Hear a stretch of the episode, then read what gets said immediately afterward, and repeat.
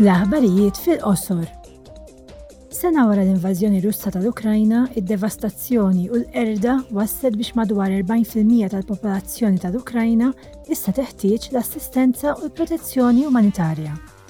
Nhar l-Erbgħa, il-membri tal-Kumitat għall-Iżvilupp flimkien mad-delegazzjoni għall-Kumitat Parlamentari ta' Assoċjazzjoni UE Ukrajna se jiffokaw fuq il-konsegwenzi umanitarji devastanti tal-gwerra.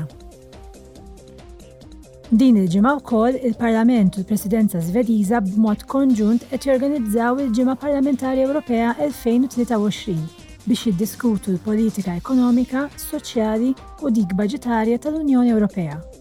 Dan l-avveniment qed iseħħ illum u għada fil-Parlament Ewropew fi Brussell.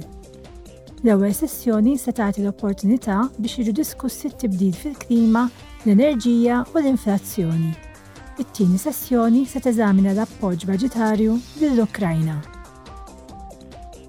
Illum il-Kumitat dwar l-Affarijiet Legali se jkollu diskussjonijiet mal-Kummissjoni dwar ir-riżoluzzjoni tal-Parlament li ssejjaħ għal leġiżlazzjoni biex l-assoċjazzjonijiet u l-organizzazzjonijiet mingħajr skop ta' qligħ Ewropej ikunu jistgħu joperaw iktar faċilment f'aktar minn pajjiż wieħed.